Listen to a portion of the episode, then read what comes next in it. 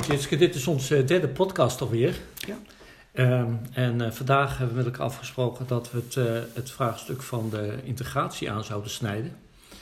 En eh, ja, we merken in de samenleving eh, dat dat een, een, een- hot item is. En dat daar eh, vele gedachten over zijn bij mensen.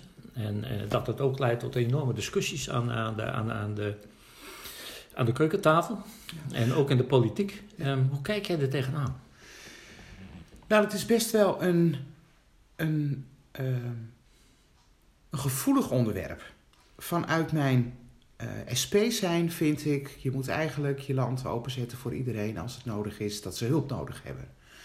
We zien natuurlijk ook in onze samenleving dat mensen dat lang niet meer dragen. Eh, de, crisis, de vorige crisis heeft veel met ons gedaan. Eh, we hebben inmiddels een woningnood. En dan zegt ook een samenleving, het is, het is eigenlijk wel genoeg nu. En dus we zitten aan onze tax van wat we kunnen absorberen. Eh, binnen de SP is ook het standpunt al twee jaar terug opnieuw geformuleerd. Eh, en hebben we met elkaar gezegd van, nou, opvang in de regio, dat is het eerst. Wel altijd onder goede omstandigheden. En pas daarna kijk je, wie heet je welkom in ons land. Hè, dus wie hebben dan echt het asiel nodig. Vind ik ook, eh, vind Ja. ik ook. Want ik zie dat ook wel, hè, dat het absorptievermogen van, van de samenleving eh, leidend dient te zijn. En ik wou eraan toevoegen eh, dat ik dat herken. Er is ook natuurlijk een strukkel binnen de Partij van de Arbeid. eh, welke kant moeten we op? Maar ik vind dat we het, het absorptievermogen van de samenleving leidend moeten laten zijn. Want daarmee raak je ook de wortels van de verzorgingsstaat. Ja. Wat, welke voorzieningen kun je dan nog in stand houden als je op een gegeven moment ziet dat eh, de, de, de, de, de, voorzieningendruk en de sociale druk en wat we van mensen verwachten nog wat is als gevolg van het feit eh, dat we meer mensen willen laten integreren dan eigenlijk een, een samenleving aan kan of een lokale samenleving aan kan. We hebben het in de gemeenteraad ehm, al veel te lang gehad over ons taalbeleid. Hè? Ehm, dat dat eigenlijk niet goed van de grond kwam.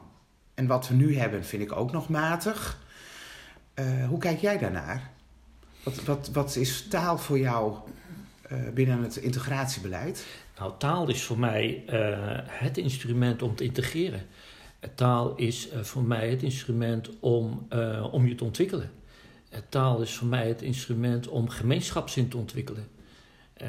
Taal is voor mij het instrument om, om te zijn wie je kunt zijn, omdat je met anderen kan praten over je behoeftes. Eh, maar taal ligt ook bij de ander om te kunnen zien eh, wat de ander nodig heeft.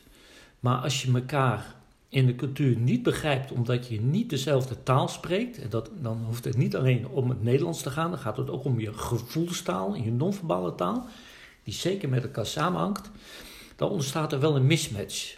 En, ik, En zeg je daarmee, eh, Rien, van... ehm, ehm, nou, ik heb, ik heb voorheen wel op het standpunt gestaan... wij ontvangen mensen, wij moeten daar goed ons best voor doen. Eh, zeg je daarmee, Rien, ook dat de mensen die hier komen... misschien wel een stap harder moeten doen... dan dat we tot nu toe van ze gevraagd hebben? Ja, zeker als het gaat, eh, gaat om taal. Ik denk dat mensen die hier komen eh, ook de plicht hebben om te investeren in de Nederlandse cultuur en samenleving. Door de taal te leren, maar ook om de ander te begrijpen en je niet te isoleren in je eigen, binnen eigen kring. En dat kan natuurlijk heel makkelijk. Herken je dat? Ja. Ja, ik heb gisteravond eh, toevallig naar op één. Er zaten drie jongeren. Er was een documentairemaker die had in Rotterdam-Zuid een aantal eh, jongeren van 14 jaar gevolgd. Eh, en er zat een, een, een jong gozertje aan tafel. Die had in twee jaar, sprak hij prachtig Nederlands.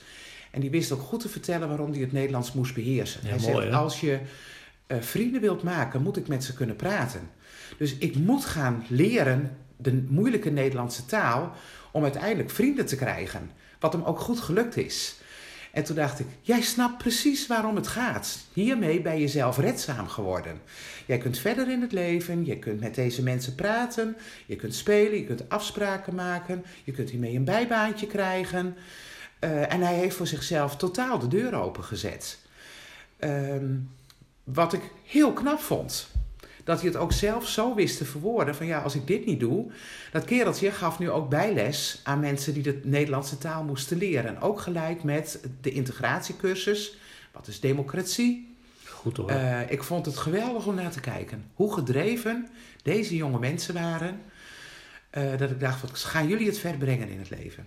Ja, Tjiske, van dat is mooi, want dat geeft ook hoop. Hè? Ehm, kijk, wij, wij, eh, ik kom regelmatig in het centrum. En eh, als ik dan het buurthuis de Stieltjestraat eh, ben, de laatste tijd ben ik daar door corona minder geweest, dan hoor ik ook mensen zeggen: Goh, eh, onze, onze, onze wijk is niet meer wat het geweest is. En dan heb ik gesprekken met de mensen: hoe komt dat nou? Ja, dan zeggen ze: er zijn zoveel mensen van buiten binnengekomen, mensen die wij niet begrijpen. En, en dan gaat het met name over allochtonen natuurlijk, wat zij bedoelen.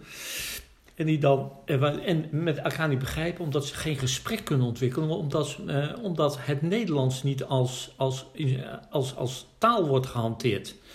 Eh, maar ook omdat er over en weer ergens een kleine mensen langs elkaar heen lopen, omdat ze geen belangstelling voor elkaar hebben. En, ik, eh, en natuurlijk Maar belangstelling kun je ook pas tonen als je de een aan de ander kunt vragen: hoe gaat het met je? Precies, precies. En, het- En als de ander het niet Precies. verstaat en jou in een andere taal en hoe gaat het met je gaat beantwoorden, ga je doorlopen. Ja, en ik denk ook dat er een uitdaging ligt voor een, eh, voor een gemeente zoals de, zoals, eh, de gemeente Noordoostpolder. Om te gaan kijken hoe kunnen wij per wijk ervoor zorgen dat mensen elkaar goed ontmoeten. Dat we daar gemeenschapszin kunnen ontwikkelen. Want gemeenschapszin is zo belangrijk om te, om te zorgen dat mensen elkaar begrijpen. En dat er geen discriminatie ontstaat. Dat er geen eenzaamheid ontstaat. eh, Dat, er, dat het gewoon fijn wonen en leven is. En ik zou wel een beleid willen hebben gericht op gemeenschapszin, waar eh, taal een, een, een, basis, een, een basisgegeven dient te zijn. Maar ook als het gaat om culturele uitingen met elkaar, muziek maken of feesten organiseren of toneel. En, en, en ja, dan zou het mooi zijn dat ook zo'n buurthuis daar als het ware een, een platform voor kan Ja. zijn. Vind ik nog steeds wel dat, ehm, dat ook al stel je je open naar elkaar, hè, eh, als je elkaar niet verstaat, het er niet van komt. Dus als je elkaar niet voor een maaltijd kunt uitnodigen, omdat je niet een goed gesprek kunt voeren, of gewoon even, nou, hoe is het met je kinderen, of wat ook maar kunt bespreken, eh, blijft de afstand groot. Mensen hebben natuurlijk van oorsprong wel dat ze naar gelijkgezinden toetrekken. Dat doet iedereen. Ja, maar dat begrijp ik wel. Maar En dat mag ook. dat begrijp ik wel. Maar in een buurt je voegen, eh, je, je aanpassen, maar wel je eigenheid bewaren. Dat zou ik ook zelf graag willen.